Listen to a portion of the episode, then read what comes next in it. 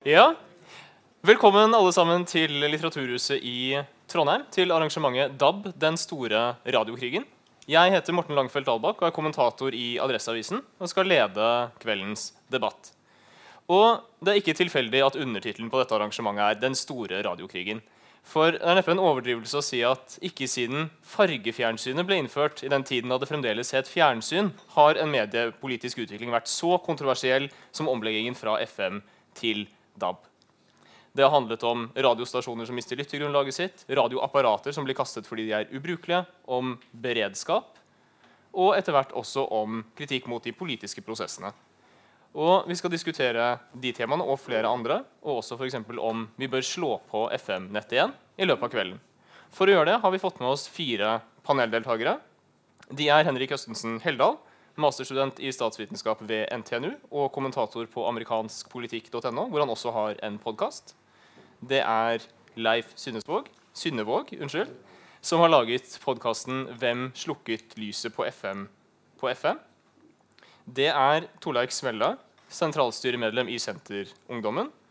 Og Bjørn Tore ikke sant? Grøtte, sjef i NRK P1. Velkommen skal dere være. Og Før vi går i gang med debatten, så er det litt praktisk informasjon. Vi begynner med en paneldebatt som jeg leder. Eh, da er det ikke anledning til å stille spørsmål fra salen. Men etter sånn 40-45 minutter så tar vi en pause hvor dere kan kjøpe noen forfriskninger, ta litt frisk luft og kanskje forberede noen spørsmål.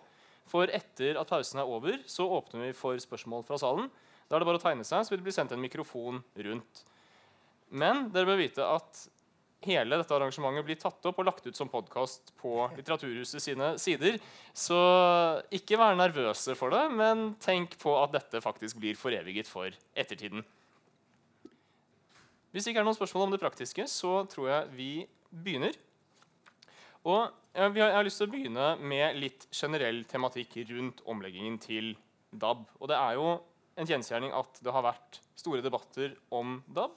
En av de debattene handler om hvorvidt DAB, som er en digital måte å sende radio på, vil bli avleggs i løpet av få år fordi alle hører radio på mobiltelefonen. Nå, den har ikke DAB-mottaker, men går på 4 eller etter hvert 5G-nett når det kommer til Norge. Og i den forbindelse vil jeg gjerne spørre deg, Synnevåg, du har I den første episoden av podkasten din ja. så refererer du til i hvert fall oppfatter jeg det sånn, til omleggingen til DAB som norsk stormannsgalskap, og spør om det ikke vil, kan vise seg å være en dårlig investering. Kan du utdype litt hva du legger i det? Ja, jeg kan prøve. Um, nå er ikke det alt jeg husker fra første episode, men hvis jeg har sagt det, så har jeg sagt det. Uh, takk for at jeg fikk lov å komme hit i dag, forresten. Jeg tror at det kan ganske enkelt knyttes til et par ting som gjør at DAB rett og slett er en dum radioteknologi. Jeg skal fortelle hvorfor det er ideelt for et monopolmarked. fordi at Man vil aldri få flere kanaler på DAB utenom de tre avsenderne som i dag sender på nasjonal DAB. NRK, MTG og Bauer. Og grunnen til det er veldig enkel. Ingen vil investere i et system der du må annonsere i avisen for at publikum skal finne stasjonen din. Nå må dere skanne, folkens. Prøv å få det til. Det er det ene. DAB er et særnorsk fenomen. Det er ingen andre land i verden som er DAB only. Der er vi helt alene. Og det ser heller ikke ut til at noen flere kommer til. Hvis vi da tenker et nordisk samarbeid, så har svenskene takket nei til DAB for lenge siden. Og det kommer ikke til å bli utviklet noen nasjonal DAB i Sverige.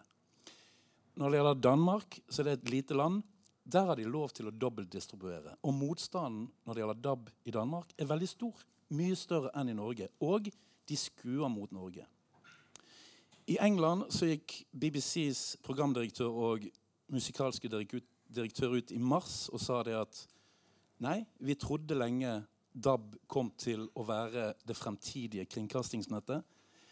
Men vi ser at det er hybriden av alle plattformer som er fremtiden.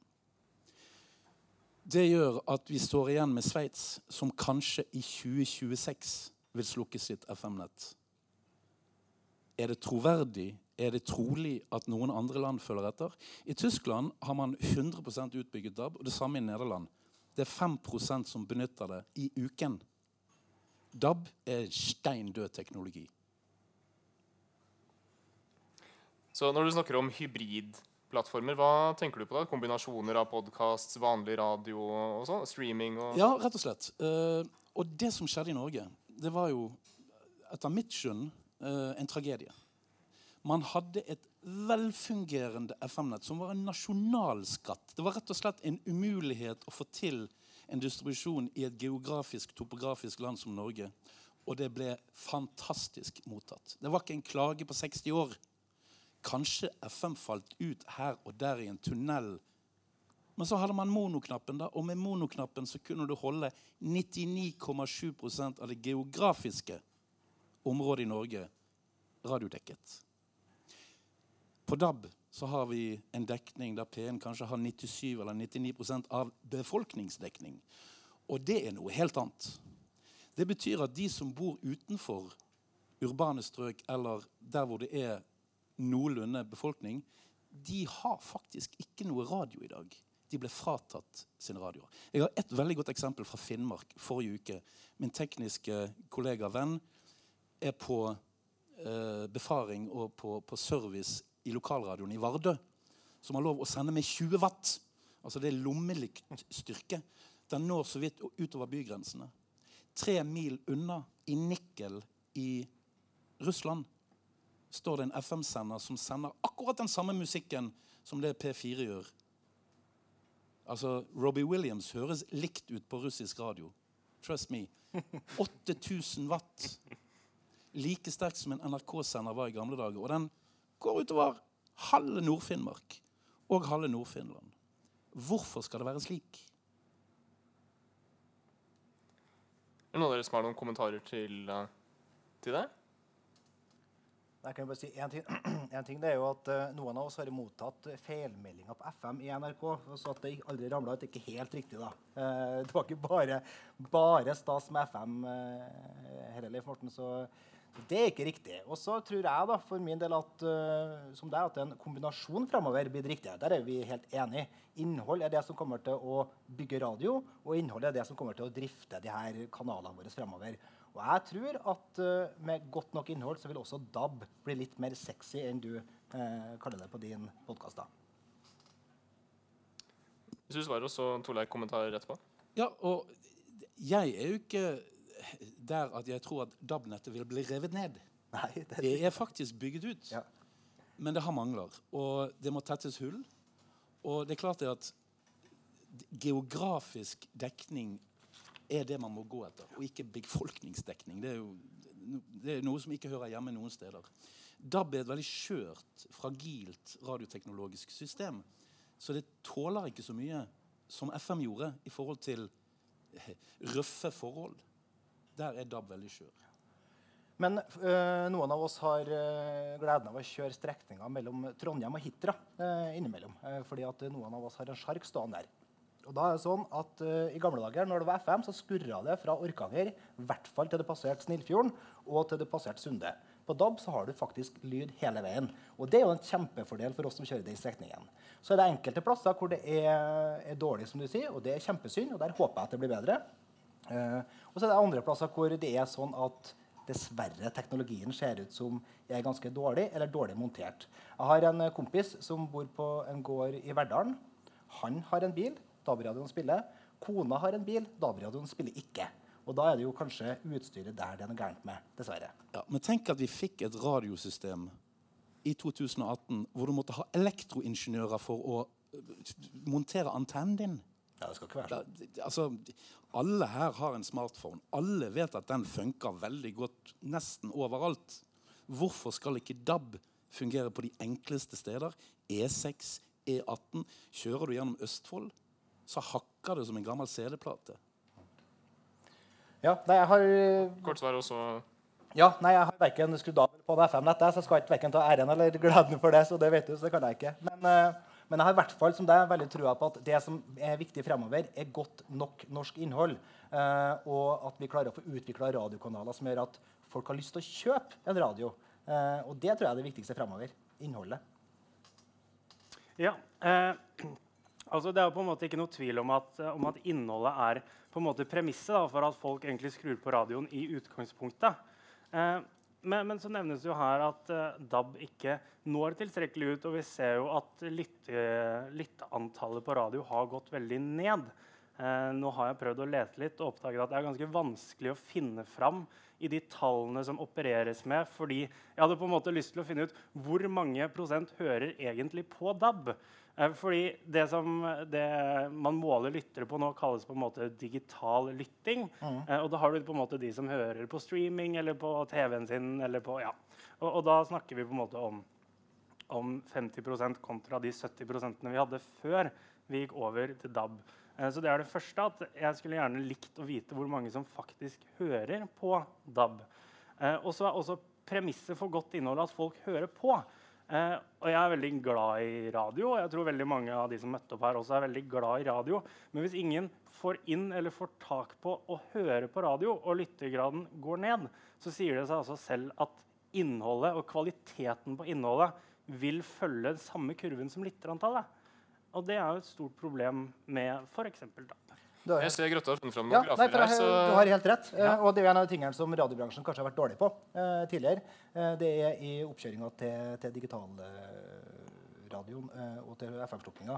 Og på en måte skille på hva er hva. For det var digital radiolytikk som, som, var det viktige. At om det var på nett eller TV eller hva det var. Men i forbindelse med at det til neste år skal være en ny radioundersøkelse i Norge som skal erstatte dagens PPM, så har, har Nilsen Resorts vist fram hvor mange som har DAB-radio hjemme. En helt ny måling. Og det er sånn, og det er ganske interessant også, i hvert fall for oss som snakker geografi. det er sånn at I Trøndelag her vi sitter nå, så er det 82% av husstandene som oppgir at de har DAB-radio hjemme. Mens på det sentrale Østlandet så er det faktisk kun 65% som sier at de har DAB-radio hjemme. Så det er en stor geografisk uh, forskjell.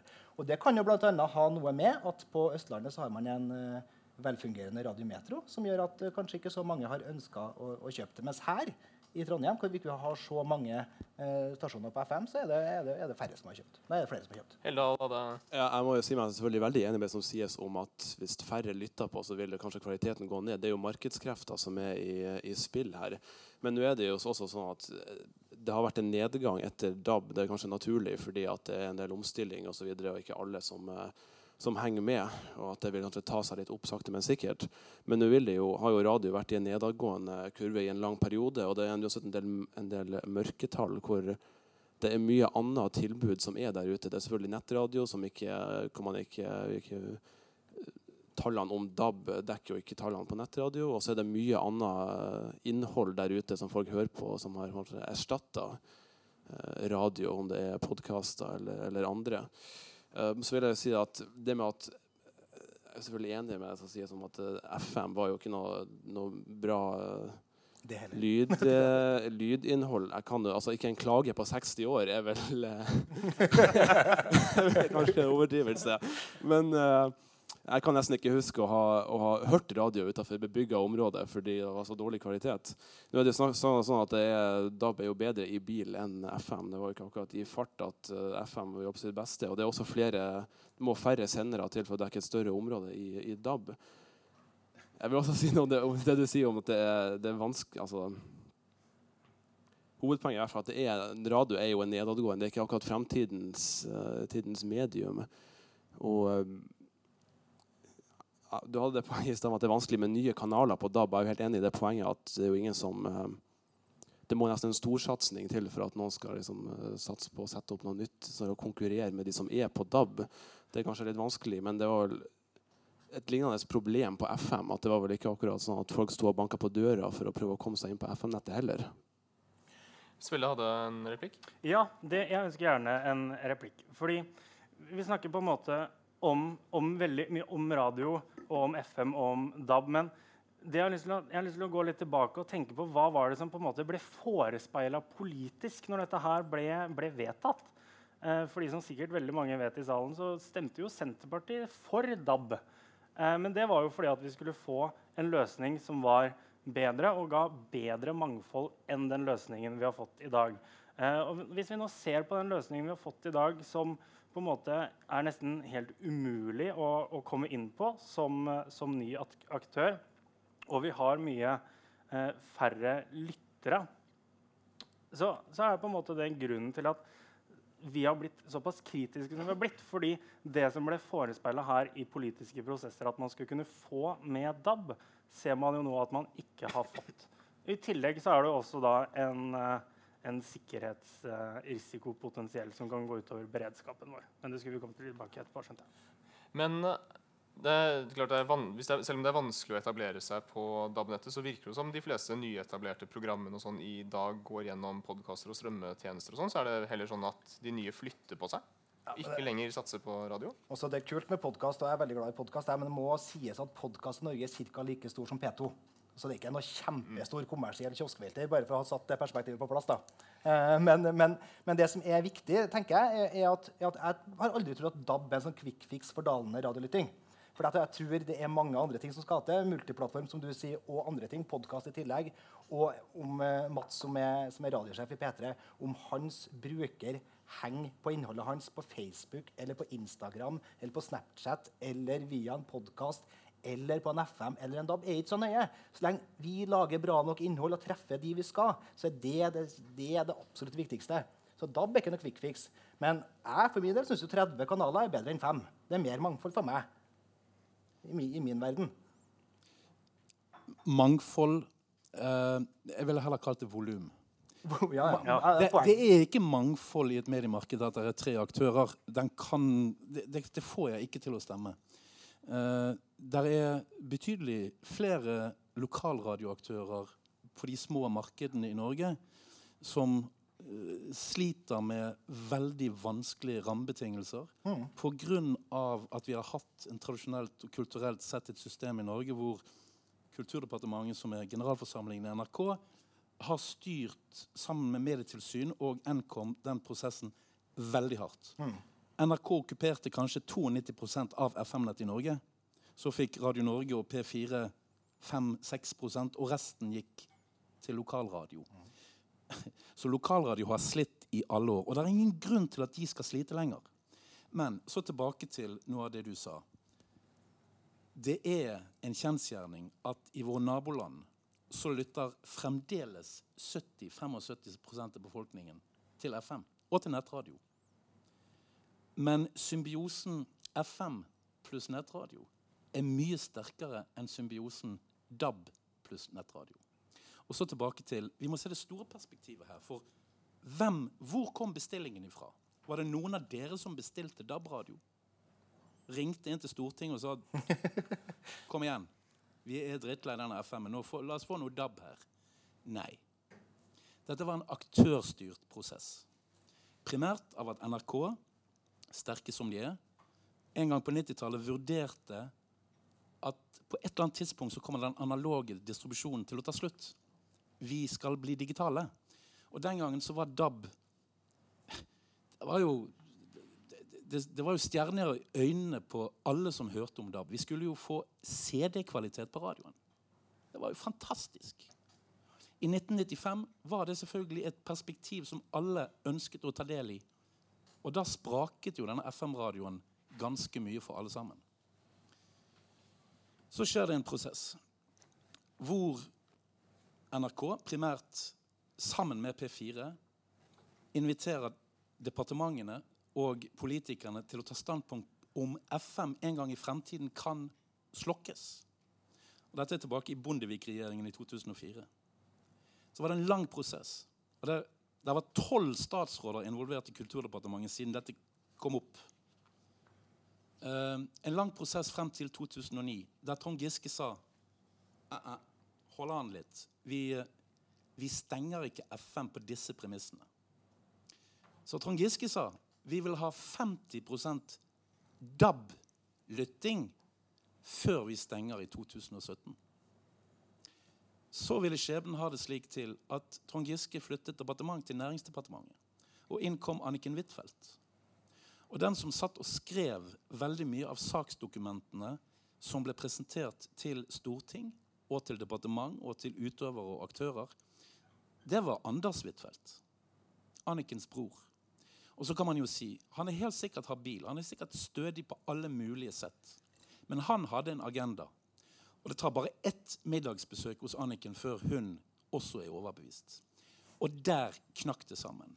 For plutselig så fikk lobbyen, og da snakker vi om NRK, Digitalradio Norge, P4 De fikk dreiet ordlyden fra å være 50 DAB-lytting til å bli 50% digital lytting før vi skulle stenge FN. Og det var gjort i en håndvending. En ren manipulasjon av politikerne på Stortinget. Når vi da kom til 2015 og penetrasjonen av digital lytting var på 50% fordi folk lyttet på radio på TV-en, lyttet på radioen via smarttelefonen sin, og kanskje Dette er uverifiserte tall. Men kanskje så lite som 20-25% lyttet til en faktisk DAB-radio da vi stengte FM. Og det peker jo litt tallene på du sa, altså 69% av befolkningen på Østlandet har en DAB-radio. Her har, har 82% Og jeg tror det er sånn flere steder i Norge. Og jeg tror også at Jeg skal avslutte. Bare komme med siste poeng her. Jeg tror også at i denne tåkeleggingen av informasjon som kom fra særlig lobbyen For det er bare de som har drevet med informasjon her. Husk på det.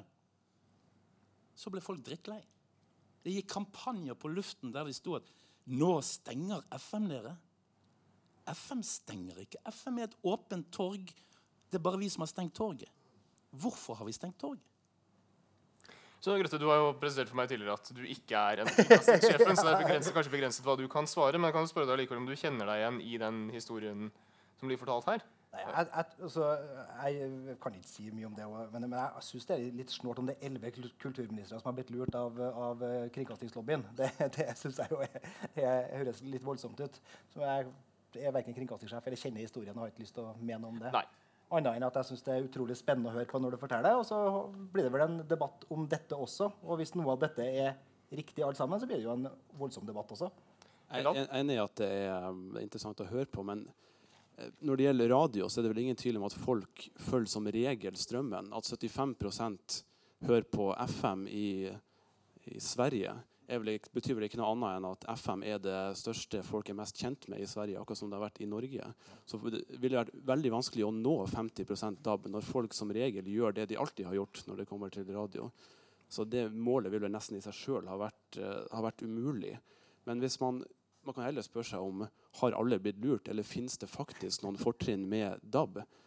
Eller er det sånn at uh, det er bare den mystiske DAB-lobbyen som, uh, som, har lurt alle? Og hvis man eventuelt skulle ha starta helt på nytt med radio, ville man da ha starta med FM, eller ville man starta med en annen enn FM? Fordi det finnes ting som er bedre teknologisk. At man har hatt ting i 60 år uten en eneste klage, er vel ikke akkurat at det er argumentasjon for at man skal ha det i 60 nye år. Spille? Ja, eh, jeg vet heller ikke om jeg har lyst til å stikke fingeren opp i lufta og synes om denne her kringkastingslobbyen. Skummel, den. Eh, ja. Eh, men, men, tilbake til fordi eh, det blir jo nevnt her at Sverige kjører jo fortsatt på, på FM-nettet.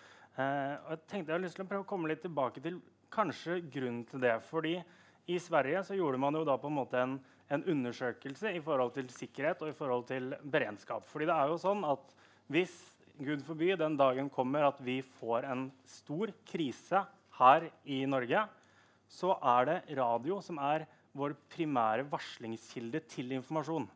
Det betyr at hvis det blir krig, så må vi sette på radioen for å høre hva det er som skjer. Eh, og så er det sånn at Nato de bruker også en frekvens i sine radioapparater som, som kommuniserer innad med hverandre. Og I Sverige så gjorde man den vurderingen at i og med at Nato og Forsvaret kjører på samme frekvens som det vi har tenkt til å ha eh, DAB på, så vil det være et problem hvis vi kommer i en krise. Det betyr at hvis eh, Russland kommer og banker på døra her en gang, og vi må skru på radioen, så har mest sannsynlig Forsvaret kutta ut den radiofrekvensen. fordi der skal de ha sin kommunikasjon. Da er det selvfølgelig ikke kommunikasjon til oss. Eh, og dette her er vurderinger som jeg synes Det er utrolig overraskende at norske politikere ikke har gjort grundigere, og at departementene ikke har utreda bedre. For dette her er jo helt åpenbart et stort, stort problem. Både for radioen og hvis vi skal ha øvelse her i fredstid, så kan det også gå på bekostning av radioen. Og vi, vi kan på en måte ikke ha et sånn sikkerhetsnett. Og Derfor så mener jo vi at vi må sette på en FM-nett. Ja, for Dere mener at dere skal skru på FM-nettet igjen. Det har jo du Eldal vært uh, kritisk til. og I en kronikk du hadde i Adresseavisen for en tid tilbake, så skrev du at det å si at man kan skru på FM-nettet igjen, er uærlig. Uh, hva, hva, legger du i det? Ja, det vil jeg jo først si at Direktoratet for samfunnssikkerhet og beredskap i 2016 vurderte DAB-nettet som tryggere enn FM-nettet. Mm. Uten at jeg har lest hele rapporten, så de kan i så fall spørres om det. Men det kan i hvert fall nevnes. Eh, det var jo det var, Jeg sa det fordi at mange i Senterpartiet som var i den debatten som dukka opp i juli og august i sommer, fikk det i sine uttalelser til å høres ut som det var en knapp hvor det står FM, så du kan skru av og på.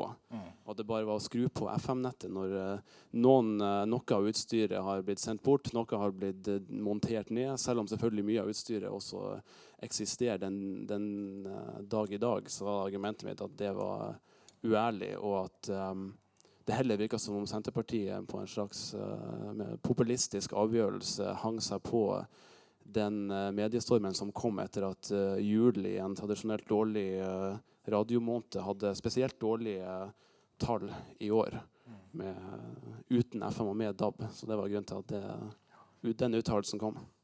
Men, veldig først og så Sunne Våg. Ja, eh, nei, for at, altså, det, man, man, får det jo, og kanskje da spesielt i din kronikk, så hørtes det ut som hele hele FM-nettet var sendt til Afrika. på en måte, Og det er jo ikke tilfellet. Um, nå, nå, skal ikke jeg skryte på meg at jeg har vært og, og pirka på og lukta på alle FM-senderne som er her i Trøndelag. Men at alt er tatt ned, vil jo jeg synes høres ganske rart ut. Så, og så må man på en måte også som samfunn gjøre seg en, en vurdering, fordi vi har på en måte forplikta oss til å levere et medietilbud og et beredskapstilbud til befolkningen. Hvis vi nå har gått på en smell på DAB, ok, det var dumt, men det er lov å være ærlig, vi har gjort feil og sette på en FM-dette. Men jeg synes, bare for å si en ting til, til, til det først, for jeg syns uh, eh, Terje Eidsvåg i, i Adresseavisa skrev det der om den debatten også ganske bra. Det å skru på igjen FM-nettet og debattere det er liksom å klemme tilbake tannkrem på tuben. Det er litt vrient. For, for, det, ja, det, for det, det, er ganske mye, mye arbeid rundt det. Uh, og i hvert fall, så vidt meg bekjent, så er, er denne bekymringa for uh, for Nato og frekvensbruken eh, litt overdrevet. Da. Eh, fordi det er avtalt i 1995 at, eh, at norske myndigheter styrer norsk frekvensbruk, ikke Nato. Så, så at, uh, hvert fall så langt jeg har fått uh, bruke på det rene i dag, for i og med at jeg skjønte at vi skulle snakke om det, så er det det ja, som det er, er, er, mine kilder. Det har jeg fått vite. da. Eller, jeg tror vi er ganske enige, Bjørn Tore. Uh, fordi innhold skaper lyttere. Ja. Uh, hvis vi først skal ta Malawi-historien her på, på høyre side, så må jeg da nesten spørre Hvor fikk du den informasjonen om Malawi fra? Internett. Hvem plantet den på internett, tror du? Da skal jeg fortelle det uten at du trenger Hvem slukket den? Nei. Nei, og Nordkring, Nordkring har da en veldig dominerende rolle i denne utbyggingen. Nordkring sammen med NRK var de som startet planleggingen tilbake i 1995. Nordkring fikk beskjed av P4 om å sende ned P4s sendere til Afrika via Plan Norge. Allerede i 2016 kunne man gå inn på Nordkrings sine websider og se årets store julegave. Nå når FM-senderne slukker dere, så sender vi de til Malawi. Fremdeles er de ikke ankommet. Så vidt meg bekjent, og det siste vi hørte, det er at de er på vei til en havn i Mosambik og skal lande i Malawi i september 2018. Altså nesten to år etter planen. Den nyheten om at FM-senderne var sendt til Malawi, var en PR-jippo fra Nordkring. Det kan jeg 100% forsikre deg om.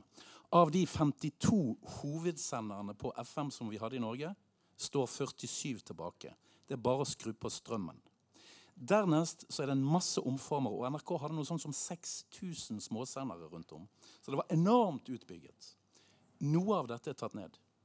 Noe av det bør for å være en god investering skiftes ut, for det er gammelt utstyr. Mm. Og det ble til og med brukt som et argument hos Nordkring i en årrekke. at Vi kan jo ikke drive og satse på dette FM-nettet som holder på å falle sammen. De brukte 180 millioner årlig på vedlikehold og service.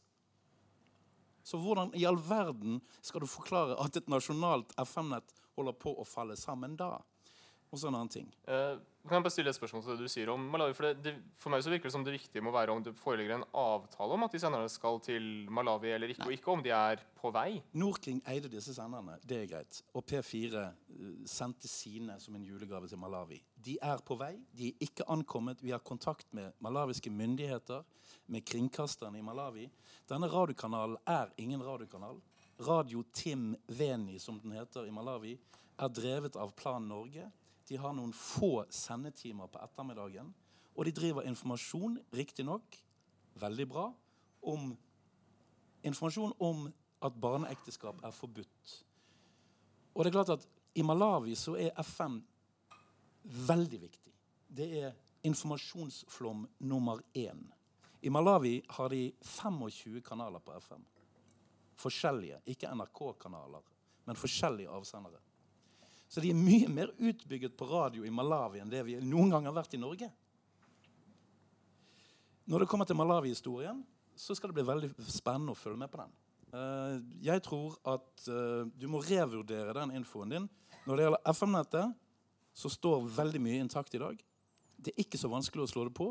Skal man investere i en fremtid hvor Bjørn Tore med sin kanal P1 skal være en beredskapskanal på FM, så har vi fått uavhengig teknisk kompetanse til å se på dette. Det vil koste mellom 150 og 200 millioner. Og ikke en milliard, som Nordkring sier. Nordkring har jo betydelig kommersielle interesser av DAB. Nordkring vil ikke skru på FM-nettet. Jeg lurer litt på du kan svare etterpå hvem vi er. Vi har kontakt med myndighetene i Malawi, og vi har funnet ut at det vil koste så så mye, mens de andre sida er den partiske sida som har interessene sine av å, å, få det til å høres ut som det er enda mer. Nå har jeg aldri, har jeg aldri påstått at alle senderne har blitt eh, sendt, eller at det har vært en stor eh, nedsending av eh, norsk utstyr til Afrika, men jeg, vil heller, jeg vil også påpeke at uansett hvor mange kanaler som er, og, som er påskudd i Malawi, så er vel ikke det et argument for om vi skal gå tilbake til FM-nettet i Norge. Men nå er det sånn at det, det, var, det er faktisk sånn at det, det er en mye, mye nærstående som du sier, arbeid som måtte blitt gjort med FM-nettet uansett. Så nå er vel saken per i dag er vel ikke en ankesak om FN, FM, men om kostnadene vil være mer eller mindre med å gå tilbake til FM og ta ned DAB, sånn som det har vært gjort nå, eller om det er bedre fra den dag i dag å bli værende med DAB, som kanskje er for politikeren her også er det kanskje det viktigste spørsmålet. Grøtte?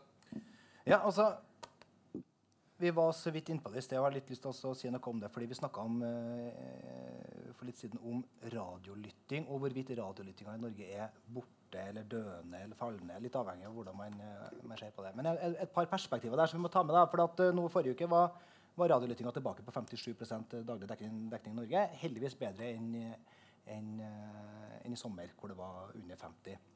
Men én ting som er er viktig å ta med seg også, er at ukentlig dekning og ukentlig lytting er jo langt høyere. Eh, og Det var det vi brukte som valuta da vi var sammen i, i radioen i gamle dager. Da var det jo ukentlig dekning som var, som var det, det, store. Og En av årsakene til det er jo at uh, folk ikke har bytta ut alle radioapparatene som, uh, som før var i sving. For uh, Tidligere så hadde du en radio på badet, en på soverommet, en på kjøkkenet osv. Men alle disse er ikke, er ikke bytta ut hjemme hos folk ennå. Men man har bytta ut én eller to apparat. første og andre apparatet. Og Det er en av grunnene til at ukentlig dekning er, er høyere enn en daglig. Og en av grunnene til at jeg er litt mer positiv og optimistisk til dette eh, enn deg. Ja, det syns jeg er kjempefint. Ja. Ja. vi, vi, trenger optimisme i den bransjen her nå. Og uh, jeg er helt enig. Grunnen til at den norske radiolyttingen har gått såpass drastisk ned, det er jo at de 14-15 FM-radioene som vi hadde stående rundt på hytter og biler og båter, og ikke minst på kjøkkenet og på badet og på soverommet, de er ikke alle sammen blitt byttet ut. Nei. Men da må jeg si deg en ting, kjære Bjørn Tore. Noen riper i den lakken må jeg eh, tilby deg. Fordi DAB-salget går kraftig ned i Norge. Det er ingen grunn til å tro at det vil ta seg opp igjen. Nå satser jo da den samme lobbyen fordi det som het Digital Radio Norge, det heter nå Norsk Radio. Samme organisasjonsnummer, samme mennesker, samme daglig leder, de har nå beveget seg bort fra DAB-radio. Nå skal det Å være skeptisk til alt som er smart når det puttes ned i postkassen. Nå er det smarthøyttalere. Og stiller, det- altså her har de skiftet fokus fra DAB, som er på vei ned, sviktende salg. Eh, det var 600 000 solgte DAB-apparater i fjor, eh, sier Elektronikkforeningen. og det er en nedgang på 10% i år. Smarthøyttalere går rett opp til værs. Folk vil ha nye ting. Så DAB-radio er it's old news. Det er, ikke, det er ikke så mye å hente der. Og det er, det er egentlig ingen merverdi i DAB. Det har aldri vært det. Merverdien, hva var det da? At vi fikk 16 hermetikkanaler istedenfor fem kvalitetskanaler? Så replikk fra Grøtte først. Ja, nei, eh, nei, jeg har jo blant annet alltid klassisk NRK Sport, NRK Nyheter, NRK Super og annet hermetikk på samvittigheten sjøl. Så vi kan godt snakke om det. Nei, men, nei, men, men poenget mitt er jo at eh, det som du litt skummelt kaller lobbyen, kaller jo jeg et godt samarbeid. Det gjør de selv Ja, ja, men, ja, men når, når, når NRK sammen med P4 og Radio Norge klarer å få til en, en, et fint samarbeid for å videreutvikle en bransje, så er ikke det noe skummelt, tenker jeg. Sy- Syns du det? Vi kan komme inn på det straks. Ja, jeg vil jo bare si kjapt at Selvfølgelig har DAB-salget gått ned. Nå har vi hatt en masseutbytting av gamle FM-radioer med DAB. At de fleste har gått over til DAB. Så den utviklinga kan jo aldri fortsette på samme måte. Da vil jo alle plutselig ha 15 radioer til slutt hvis eh, DAB-salget skulle vært like godt så nå som det var de første, første par årene, f.eks. Men det er jo også kanskje grunnen til at radiolyttingen har gått såpass ned. Og tilbake igjen til utgangsspørsmålet. Hvem av dere var det som bestilte DAB? Var det noen her som hadde et kjempebehov for å få 32 kanaler inn på radioen sin, så kunne FM godt ha levert det. Men i Norge så har vi hatt ekstremt sterke bånd på FM-båndet som er knyttet til NRKs distribusjon. Hvem har ikke vært i Paris? I Paris har de 55 kanaler på FM-båndet. I hvilken som helst storby i Europa har de det samme. Så kan man si at ja, men den norske befolkningen er bare 5 millioner. Vi har ikke, det, markedet er for lite til så mange kanaler. Å ja. Så det var for lite folk til fem kanaler på FM, mens det er nå tilstrekkelig med folk med 30 kanaler på DAB? Nei, det hører ikke hjemme noe sted. FM er den eneste teknologien i verden som er helt dominerende. Ved siden av FM så er det bare én ting som kan ta over, og det er Internett. Men det er bare, bare en ting, så, så, så Mengde og mangfold Vi kan jo diskutere det til vi blir, blir enda gråere i håret begge to. Men, men poenget mitt er at jeg synes det lages, vi må ikke snakke ned norsk radio heller. da. Fordi at, fordi at eh, det lages utrolig mye fin radio i Norge. eh, I tillegg til, til hermetikken som vi snakker om. Og for eksempel så er det for min del da, Nå har jeg tilfeldigvis en Freds på kinesere-T-skjorte på. det har ikke noe med saken å gjøre. Eh, men ene kanalen som, som Bauer har, da, som heter Norsk Pop, har jeg blitt utrolig glad i. Det, det her kanskje ikke må spilles av til andre, siden at jeg er NRK-mann, men jeg er veldig glad i kanalen og hører ofte på den når jeg kjører bil eh, til jobb om morgenen etter jeg har hørt nyhetene. I dag tok jeg en ekstra sving fordi at sangen var ekstra fin. Og det sier noe om at det er flere eh, tilbud der ute da, som jeg som bruker koser meg med. Og det er mangfold. Poenget mitt var jo i stad også at mangfoldet er også utafor radio. Folk liker å høre lyd som ikke er på radio. folk, Derfor tror jeg nok at jeg er enig med det at Internett sannsynligvis er framtida med tanke på lydkvalitet og mangfold i kanaler, også det som går utafor radio. Du snakka jo om podkaster i stad, som jeg mener er viktig og kommer til å bli enda viktigere. Men at du mente det var et lite marked. Nå vil jeg si at det var veldig vanskelig å vite tall med, med podkaster, fordi det er mye mørketall, og eh, ikke, folk ikke så, har ikke så lyst til å vise eh, kortene de har på hånda. Men jeg vil gå ut fra at kanskje halvparten av podkastlyttinga i Norge også er på ikke-norske podkaster. Så selv om radiolyttinga går ned, så tror jeg ikke nødvendigvis at folk sin eh, glede av eh, lytting uten å, bruke, uten å trenge å se på noen, nødvendigvis har gått ned. Det er jo to forskjellige typer mangfold her. Det ene er på en måte det globale mangfoldet av podkaster. Og, og sånn, men så vidt jeg har eh, forstått og blitt fortalt, så er det sånn at de små lokale radiostasjonene i Norge er bekymret for framtiden. De henviser til DAB, omleggingen til DAB. Men det kan jo også være at det er en ny markedssituasjon for dem som ikke nødvendigvis har direkte med DAB å gjøre. Jeg vet ikke hvordan dere tenker om den lille lokale radioens situasjon nå, Svelle? Ja, altså, jeg vil jo først og fremst si at eh, som senterpartist så må jeg jo si ja, at jeg er glad i alt som er lokalt. Det er jo nesten programforplikta. Men jeg fikk ikke en kortere Senterpartipolitiker. Det syns jeg var litt dårlig. Nei, men, men eh, på en måte eh, Allikevel så er jo på en måte lokalradioene et viktig ekstra tilbud til mediemangfoldet. Og jeg vet jo at rundt omkring så drives det både studentradioer og andre småradioer som har veldig stor suksess. Eh, jeg er selvfølgelig redd for at FM-båndet en gang kommer, nei, jo, FM-båndet kommer til å bli helt stengt. Så du også mister de, de eh, radioene. Eh, og det her er jo radiosendere som ikke vil få den samme muligheten på DAB som det de har på FM. En av, de, ja, en av de tingene som vi praktes med før, da når vi holdt på med lokalradio, annet i Trondheim, her, som jeg, ser jo flere eh, som har holdt på med det her, er jo annet de her skjønnhetskonkurransene som vi hadde av mediemyndighetene i, i Norge. Vi, vi veksla noen ord om det i sted her. også at det var jo eh, Den som kunne by mest lokalt innhold, fikk jo da Kulturdepartementets eh, radiostipend. holdt jeg på å si. Og jeg husker jo sjøl hvor forbanna Adresseavisa ble når de tapte antall minutter lokalt innhold mot Energy. For det er Energy har holdt på med, så ikke akkurat lokalt innhold.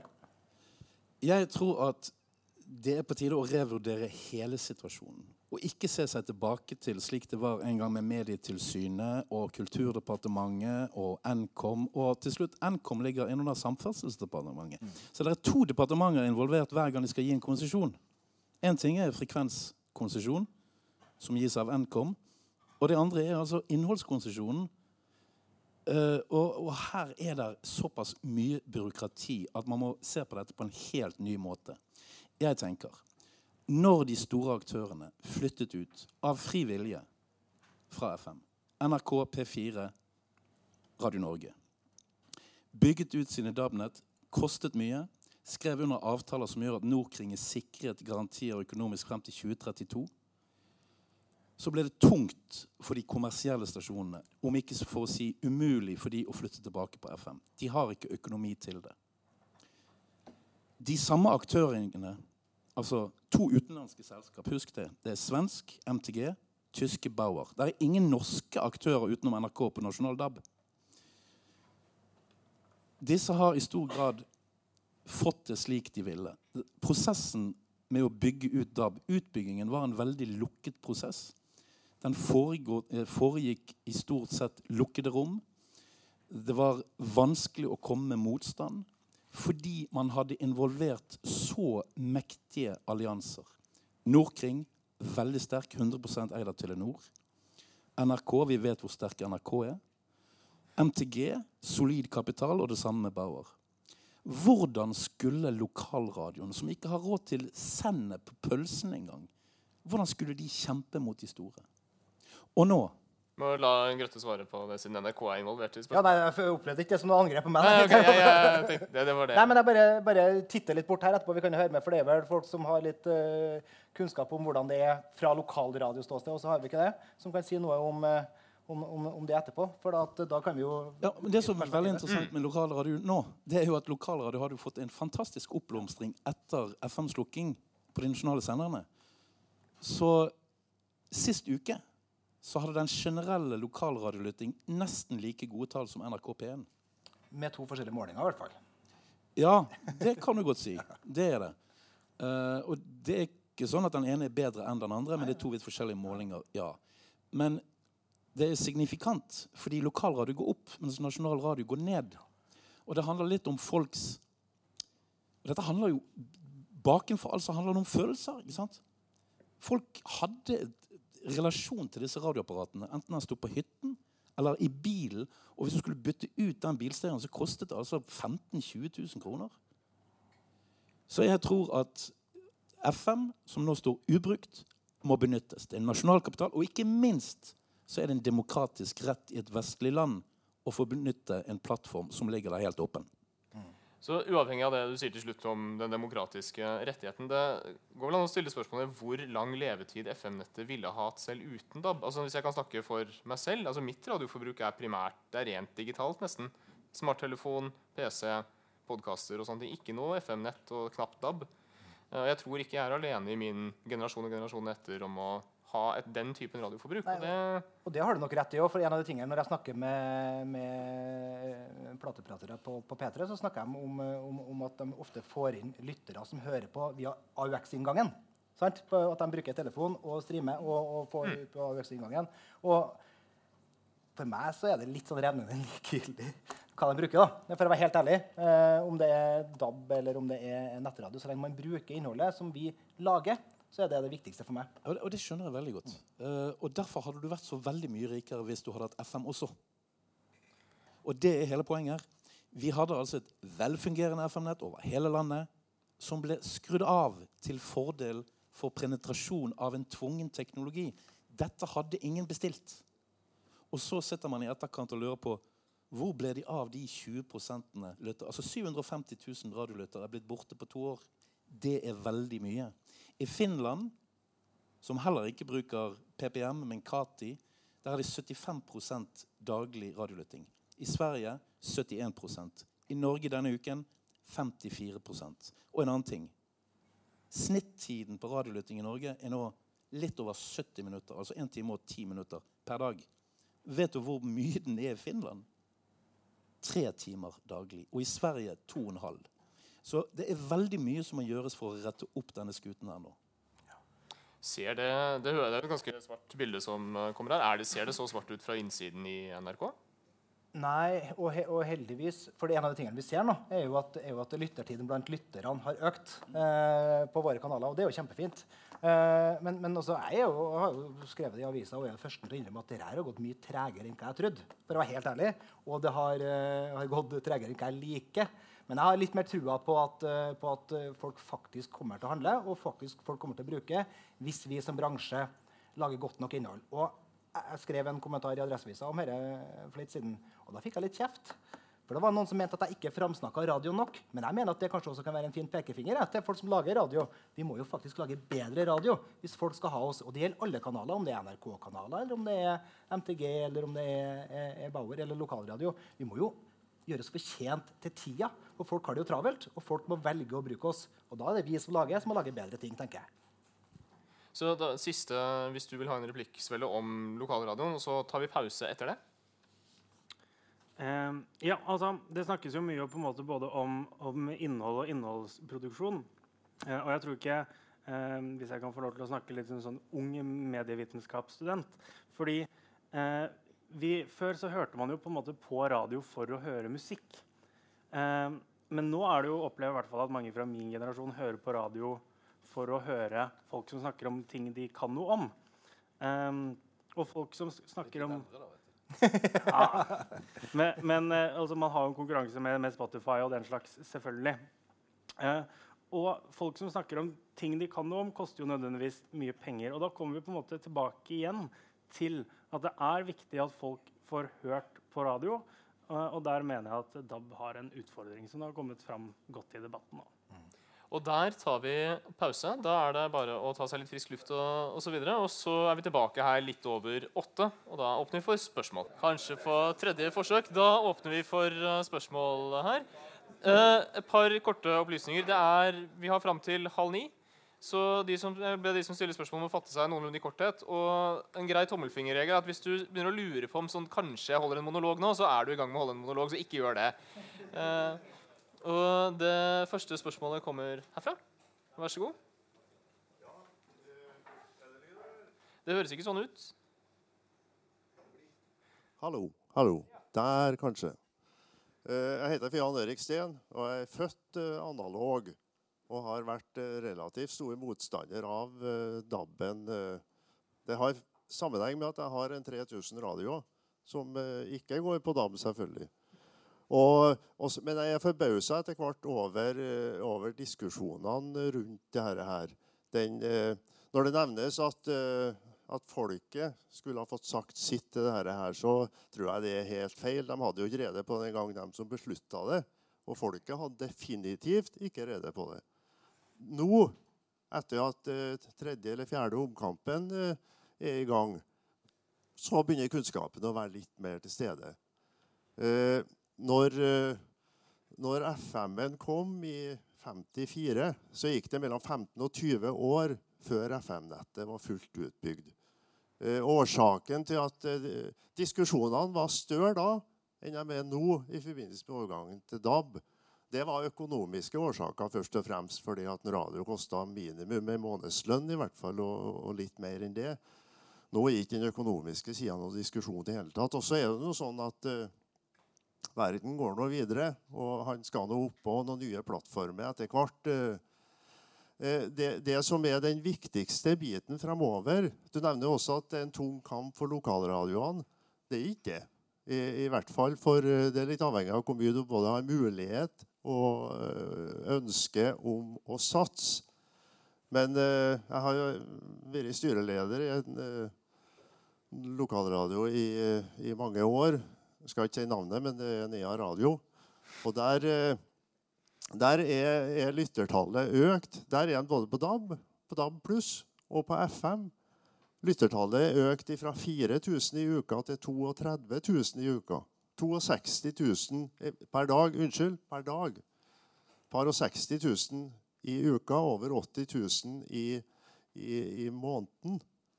Det som kommer til å bety mest framover, er å beholde nettopp for å ha mangfoldet, er å beholde det FM-nettet som er til alle lokalradioene. Det er faktisk den store kampen. Og det må være en trygghet for at han eh, Nå er det 2021 som er sluknings, potensiell slukningsdato. Der må det være en trygghet for at den blir ikke før i Det går i hvert fall ti år til. Sånn at lokalradioer nå både har mulighet for å sende på FM og samtidig være med på å utvikle DAB-sida for å ha hele det spekteret. Det vil være den viktigste biten. Der kan Senterpartiet og resten kjempe for det det er verdt. Men denne kampen, den er avslutta.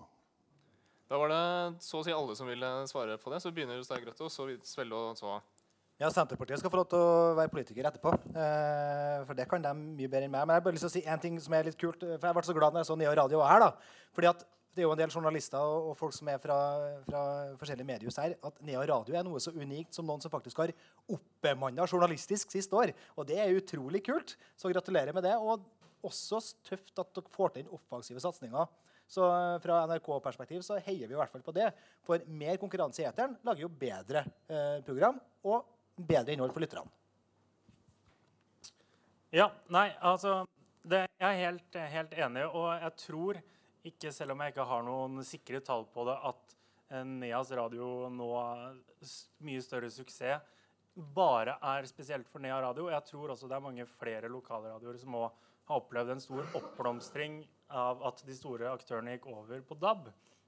Eh, og så kan jo i hvert fall jeg si med hånda på hjertet at det er ingen i Senterpartiet som ønsker å slukke FM-nettet. Og det tror jeg sikkert ikke du kommer til å være på ganske mange år heller. Uh, først av alt gratulerer med helt utrolig fantastiske lyttertall. De er jo de, er i verdensklasse. 57 daglig dekning i et univers som er deres univers. Det er jo da tall som bare kan sammenlignes med den gang NRK hadde sitt monopol på 60-tallet. Det er helt utrolig. Og det sier litt. Det sier veldig mye faktisk om folks relasjon til radioapparatet. Litt av det som har skjedd på radio de siste 30 år, 20 år særlig, det er teknologiutviklingen som har erstattet det menneskelige med en maskin. Og det er klart at vi har alle god hjelp av computere i det daglige. Men jeg tror noe av suksessen til Nea Radio er knyttet til at det er menneskelige stemmer.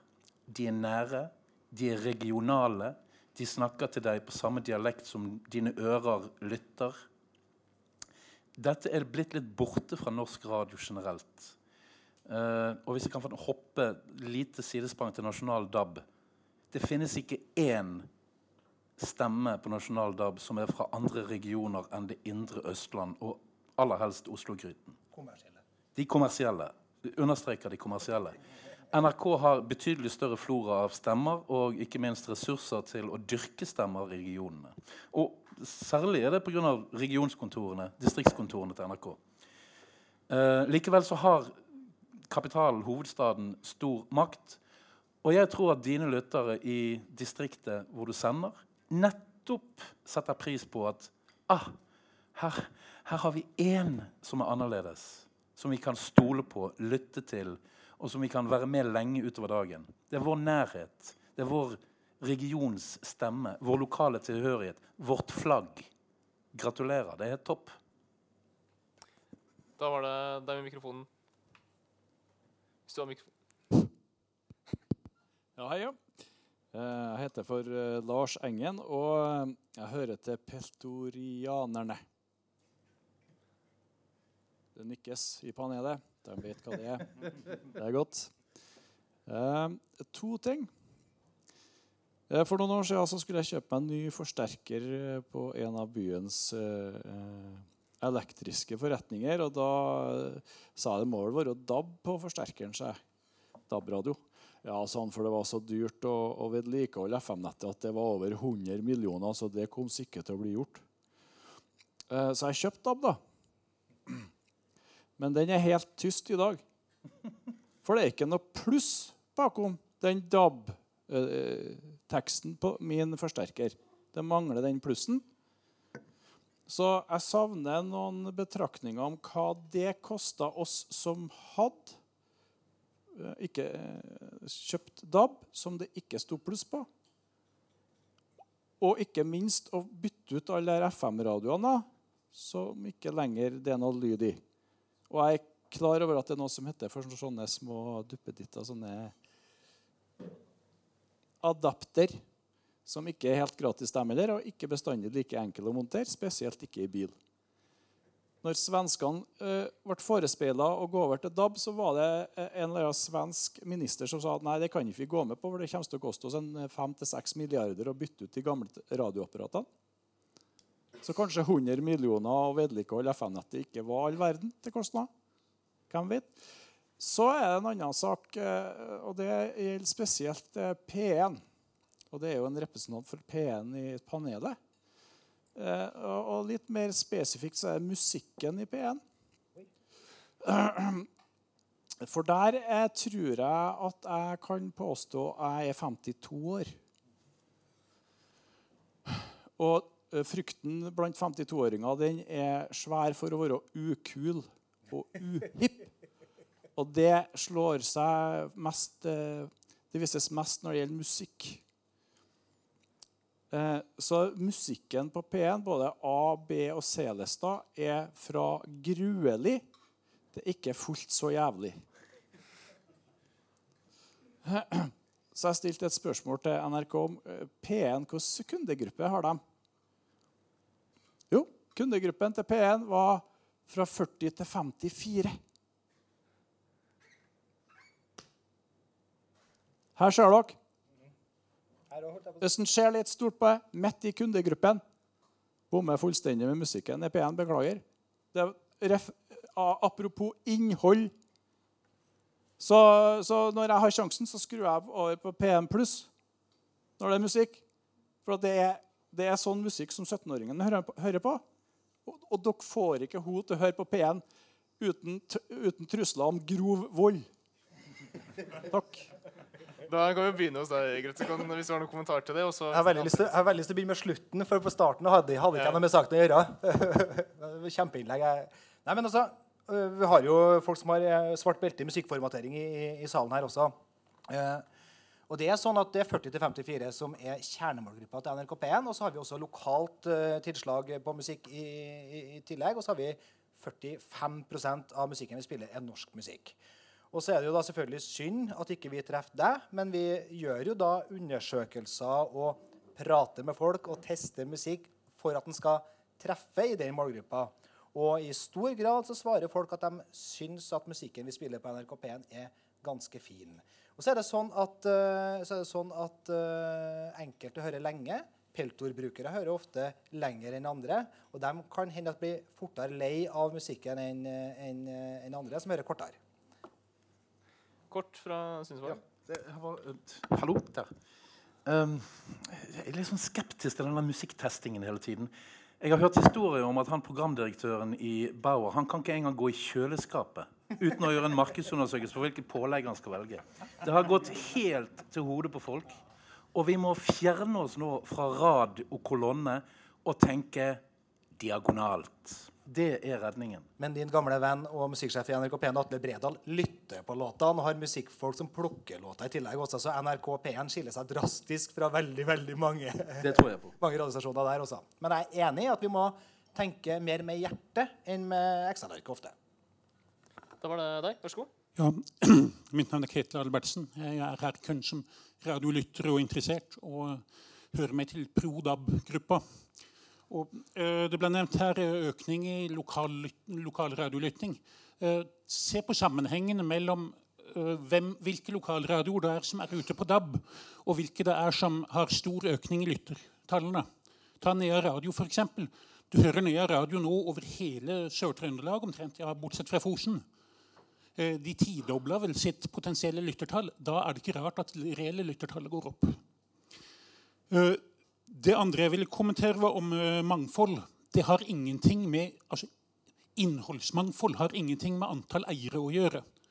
Hvis vi splitter opp NRK i eh, et firma som heter NRK Jazz, et som heter NRK Klassisk, et som heter eh, NRK mm, Sport etc., så blir det ikke noe mer mangfold av at det blir flere eiere. Men det er det det argumenteres med her. At eh, det er antall eiere og ikke innholdet som bestemmer mangfoldet. Det vil jeg protestere ganske sterkt på. Og når det gjelder muligheten for andre til å komme inn, eh, så var det jo faktisk sånn at halve riksblokka sto uten noen interessenter i et halvt år før Radio Norge kom til. Hvorfor var det da ingen som slo til hvis det var så veldig viktig for alle andre å komme ut? Eh, Vi har en Riksblokk 2 som i første utlysningsrunde ikke ble ønska av noen som helst. Eh, I andre utlysningsrunde så ble visstnok Nordkring spesielt oppfordra til kan ikke dere ta ansvaret for den. Og da på tampen av den andre utlysningsrunden så sa de eh, ja, vi skal ta ansvaret, og hvis vi får noen som er interessert i å være med på å fylle den med innhold, og selvfølgelig forplikte seg eh, langsiktig, sånn at vi kan risikere å gjøre investering, da skal vi bygge ut den. Men de som er interessert i å komme ut på DAB, gå til Nordkring og si det. Vi vil ha en langsiktig avtale, bygg ut for oss. Det var noen som var på den der nede på Vestlandet, og som eh, drev dis- eh, lokal-DAB, kaller det, nede på Vestlandet en periode eh, på Riksblokk 2. Men de var ikke villige til å forplikte seg langsiktig, og derfor ble det slutt på det. Men Riksblokk 2 står klart til de som vil gå til Nordkring og kjøpe ting. Dessuten vil jeg absolutt regne med 35 lokal-DAB-nettverk som en del av mangfoldet. Eh, Det er 37, og så vidt jeg vet, så er det to som nå ikke enda har noen utbyggere. Det er 35 som har utbyggere.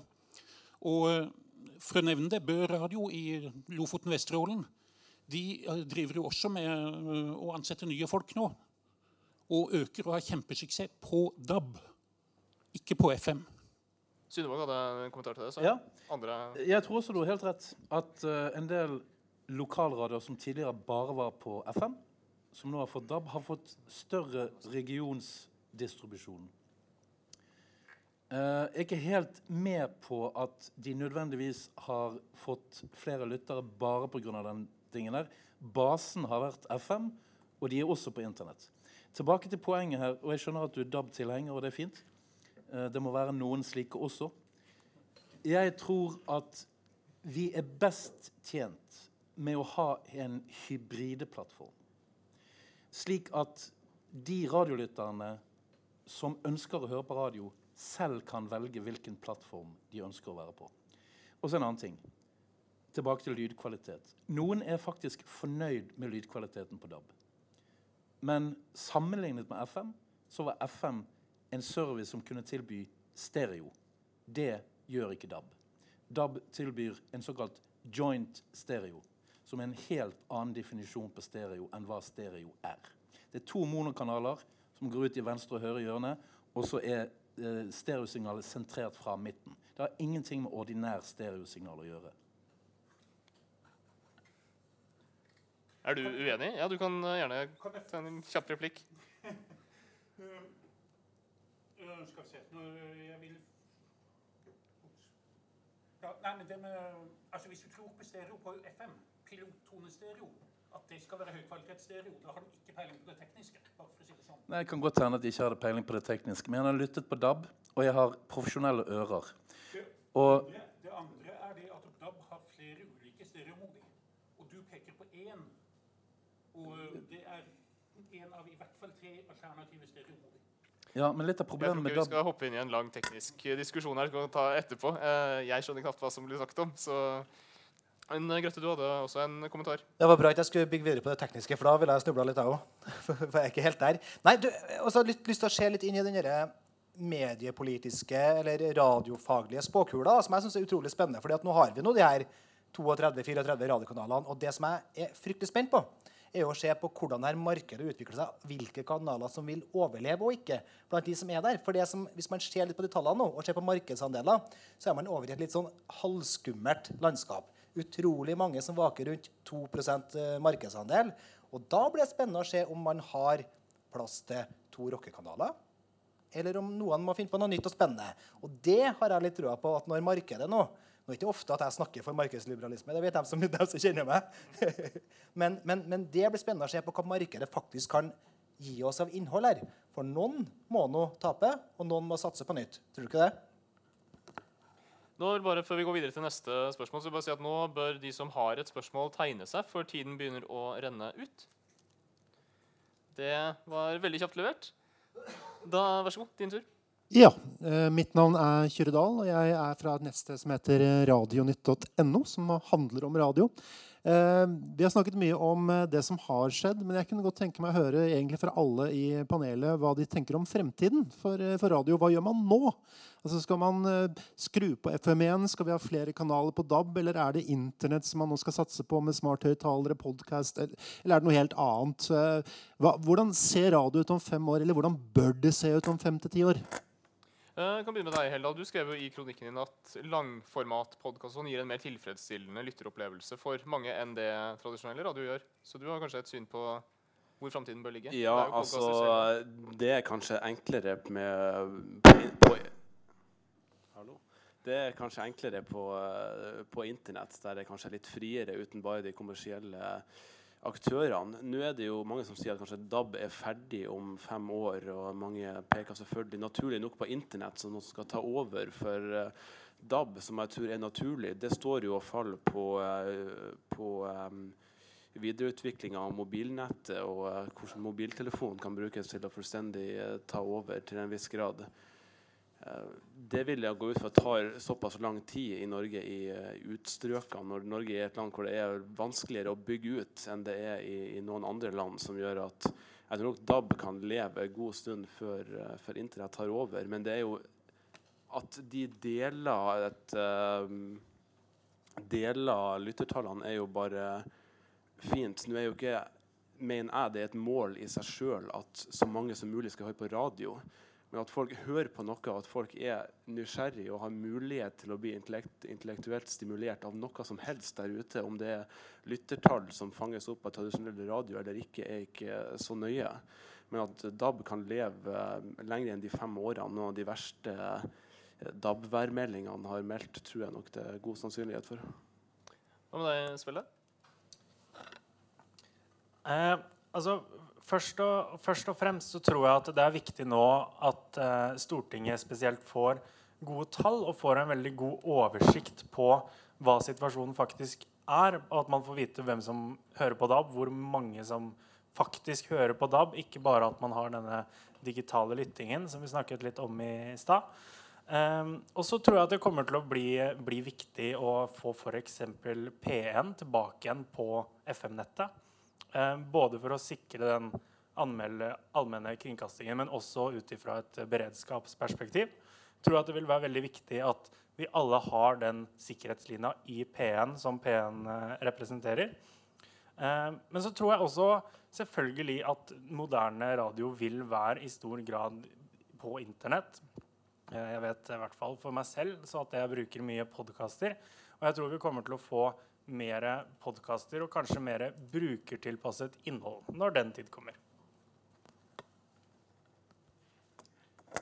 Ja, Skulle jeg? Skulle Ja, ja, Eh, dere kan uh, avgjøre det selv. Jeg Jeg vil, vil gjerne si noe angående eh, Kyrre sitt spørsmål. Hva, hvordan ser fremtiden ut?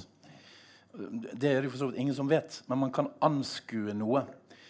Og det vi vet fra historisk og kulturelt sett, er at NRK er veldig sterke. Uansett hvor vinden blåser, så tror jeg NRK vil klare seg. Og vi trenger kanskje NRK i et samfunn som er mettet av kommersielle budskap.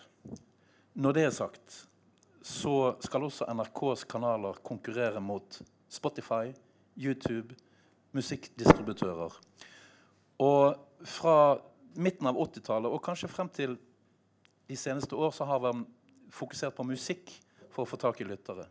Man har formatert seg i hjel og sitter tilbake med det jeg kaller hermetikkanaler, som er relativt skreddersydde til noen målgrupper. Men der er liksom ingen icing on the cake. Der er, der, der er bare generelle profiler ute og går. Man får toppen av absolute music i noen årtier, og så er det med det. Eh, det er ikke veldig spennende produkter på den kommersielle DAB-floraen. det, det, det tør jeg påstå. Man skal ikke reise langt for å finne bedre radiotilbud. Det jeg tror derimot kan slå an i fremtiden, det er å ivareta det lokale innholdet. Altså, Spotify kan ikke konkurrere mot lokalt innhold. Hva som skjer i nabolaget, hva som skjer i regionen, der det gikk sneras. Spotify bryr seg ikke om det. De kommersielle kanalene kan spille den akkurat den samme musikken som det du kan høre på Spotify, i bedre kvalitet i 320K. Så hvordan skal de konkurrere, de kommersielle hermetikkanalene, mot fremtidens utfordringer? Da tror jeg lokalradio er veldig mye bedre stilt. De har et innhold som publikum kan relatere seg til. For alt annet der ute er globalt eller nasjonalt. Så hvilken tilknytning skal vi ha til byen vi bor i, eller bygden vi bor i, eller dalstrøkene innenfor? Og en annen ting med FM. I fire byer, inkludert Trondheim, så ble FM-aktørene jaget ut av de urbane områdene av DAB-lobbyen, som mente det ville være konkurransevridende dersom de små lokalradene fikk fortsette på FM i byene. La oss bare ta med det at De kommersielle DAB-aktørene de nasjonale, har 95% av det kommersielle markedet. Så her har det vært en diskriminering som er veldig, veldig negativ. Takk. Grete? Om framtida? Framtida? Ja, ok. Nei, jeg tror, eh, jeg tror at uh, radiolytting også vil bli viktig i framtida. Og så tror jeg at vi som jobber med radio, må tenke eh, flere ting samtidig. Og at historiefortellinga vi gjør, må være på, på, på litt forskjellige måter. Jeg tror at vi må ha noen lange linjer, noen gode historier som fortelles eh, nedlastbart på podkast. Det er én type historiefortelling vi må, må bygge, som Leif er, er, er god på. Og så tror jeg vi samtidig kommer til å ha et sånt uh, lineært radiotilbud som, som, som kommer til å gå. Og der kommer det til å være eh, en, et marked som vil bestå av en del musikkanaler, sannsynligvis fra en del kommersielle aktører. Og så tror jeg også at vi kanskje i Norge kan få et marked for én eller to snakkeradioer. For det tror jeg faktisk det er marked for, hvis man gjør, eh, gjør jobben godt nok. Og så tror jeg da at NRK fortsatt vil være, være seg framover. Man sier jo at det går litt dårlig nå, men det er jo 65% markedsandel, så så tussig er det ikke å være NRK heller, da. Da er det klart for kveldens siste spørsmål. Mindre jeg har oversett noen. Det tror jeg ikke jeg har, men uh, vink hvis jeg har det. Ok, eh, Da vil jeg be dere om å svare relativt kort på kveldens siste spørsmål. for vi begynner å havne på overtid. Så- Ja, jeg har et uh, veldig kort spørsmål. da. Eh, ifølge Øyvind Christensen ved Kulturdepartementet så førte FM-slukkinga og starten av DAB til styrka ytringsfrihet og konkurranse ved at flere kanaler er tilgjengelig til flere folk. Det lurer på hva panelet syns om det her utsagnet til Øyvind Christensen. Eh, kan du gjenta en gang til hva han sa? Faktisk, Jeg hørte ikke helt godt etter. At eh, FM-slukking og starten av DAB førte til styrka ytringsfrihet og konkurranse ved at flere kanaler er tilgjengelig til flere folk. Ja, eh, hva skal vi si til det, da? Eh, det er jo et definisjonsspørsmål. Jeg vil kalle det volum, at vi har fått 32 kanaler på DAB. Eh, hvis vi ser på de kanalene der, så er det kanskje fem eller seks kanaler som har ressurser til å lage god radio. Det andre er rett og slett fyllstoff for å fylle opp disse riksblokkene. Og så man, så Man kan selvfølgelig si at ja, man relanserer Radio 1 i Bauer og håper på at det skal gå bra. De har brukt enormt mye ressurser på det. De har nå 40 000 daglige lyttere, selv om de går ut i et såkalt riksunivers. Jeg tror at mangfold er knyttet til produksjonskulturer. Og i Norge i dag, sett bort ifra at kanskje NRK internt har flere interne produksjonskulturer, men sett i det store bildet så har vi tre produksjonskulturer på radio, forutenom floraen av lokalradio. Mangfoldet er helt uteblitt når det gjelder DAB. Vi har volum, men ikke mangfold. Og aktørene på det lokale plan er nå veldig nervøse for at det samme departement som Øyvind Christensen sitter og har mye kontroll over, skal forby lokalradio i 2022. Noe jeg tror er en helt umulig ting. Om en eller to eller kanskje tre uker får vi svar fra ESA, altså EU, EU og EØS sitt klageorgan for uh, mediesaker. Uh, og rett meg hvis jeg tar feil nå. Dette er EBUs EFTAs eget uh, klageorgan. Der er sendt inn en klage for to og et halvt år siden til ESA som omhandler nettopp dette med at storbyradioene ble jaget ut av FM, og at dette ikke kan på noen som helst måte ses som en prosess et vestlig demokratisk land kan forholde seg til. Og det har vært, det har vært utøvet mye lobbyvirksomhet bare de siste månedene i Brussel av norske aktører. Av Nordkring, som ønsker å bygge ut DAB i Europa, i Brussel og i Belgia. Jeg, jeg, får det ikke til å stemme. DAB ser ikke ut til å penetrere noen andre steder enn ved tvang, og det er gjort i Norge. Jeg ser ikke fremtiden for DAB. Jeg ser ikke mangfoldet. Jeg ser ikke utviklingspotensialet. Jeg ser ikke produsenter som produserer DAB-radioer i Norge. Nei, jeg har ingen tro på det. Sorry. Heldal?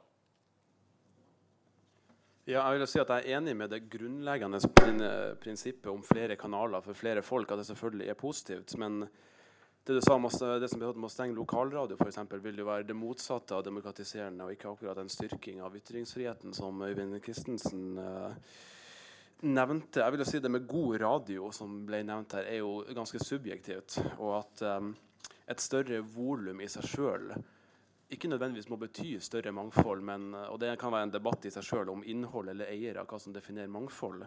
Men jeg vil si at et større volum i seg sjøl er positivt på nasjonal radio. Og at en nisjekanal i seg sjøl ikke er noe som er negativt. Det, mye av det som stjeler markedsandelen fra de store kanaler, er jo nettopp nisjer. Folk som hører på sær musikk eller en podkast om ishockey. Det er jo nisje, det òg, men det stjeler også markedsandel fra, fra nasjonal radio. Så jeg vil ikke argumentere for at det er nødvendigvis men å kunne ha noen, eh, noen nisjekanaler på, på, norsk radio nødvendigvis vil være negativt av den grunn. Men uansett at man selvfølgelig, Du kan ikke få så mange nisjekanaler at du dekker alle nisjene. Men i seg selv at NRK har eksperimentert med det, syns jeg ikke er, er negativt.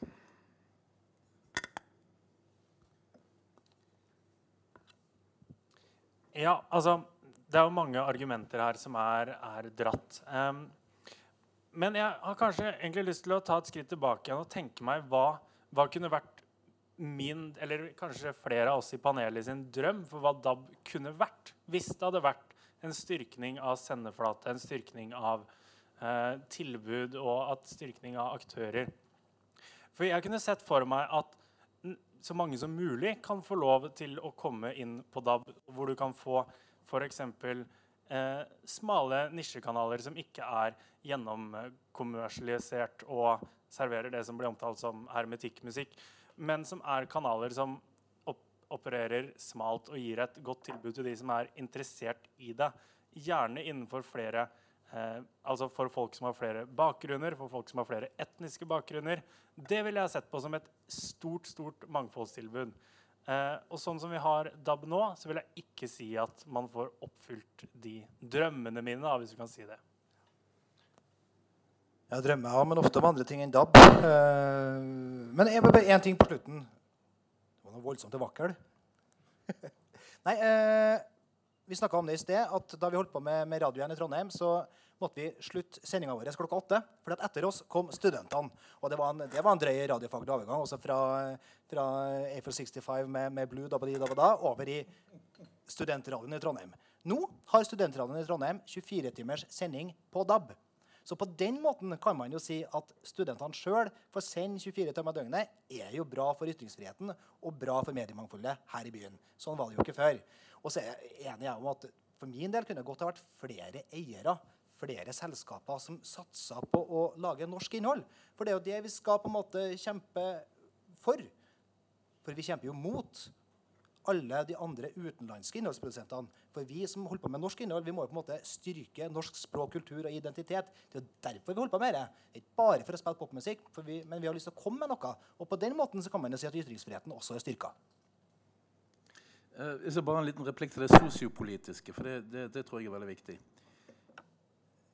Jeg kjenner til en liten radiokanal i Oslo som heter Radio Latin-Amerika. Som er spansktalende, som sender musikk og verbalitet og informasjon og nyheter til eh, fremmedkulturelle på flere språk.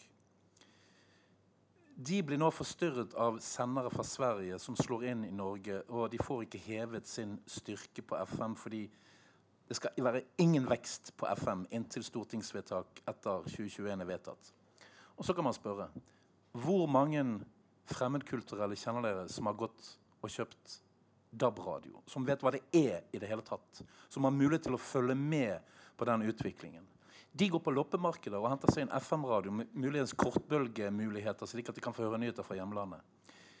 Det vi står overfor, er rett og slett en diskriminering av visse mennesker i samfunnet som ikke har tilgang på radio lenger. Og det er kritisk. De har ikke tilgang på den samme informasjonen som vi har. Ganske enkelt fordi at noen av oss ikke har god nok råd til å kjøpe den DAB-radioen. Så kan man si ja, 300 kroner har alle råd til. Ja, Hvis man er interessert i å kjøpe plast fra Kina, så kan man jo gjøre det. Jeg tror ikke at det ligger noen merverdi for denne sosiopolitiske, kulturelle gruppen at de skal gå inn på DAB. Og Dermed så oppstår det en, et, en nivåforskjell i kommunikasjonen ut til folket. Og med det tror jeg vi setter punktum, men det er en veldig kort replikk fra noen i panelet.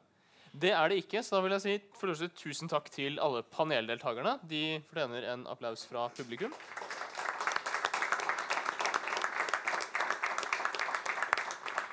Og selvfølgelig tusen takk til alle som har møtt opp, stilt spørsmål, lyttet til. Veldig hyggelig å være der, og Håper å se dere igjen på Litteraturhuset ved en senere anledning. Det tror jeg i hvert fall De som har invitert meg til å være her på Litteraturhuset, håper på. takk til deg.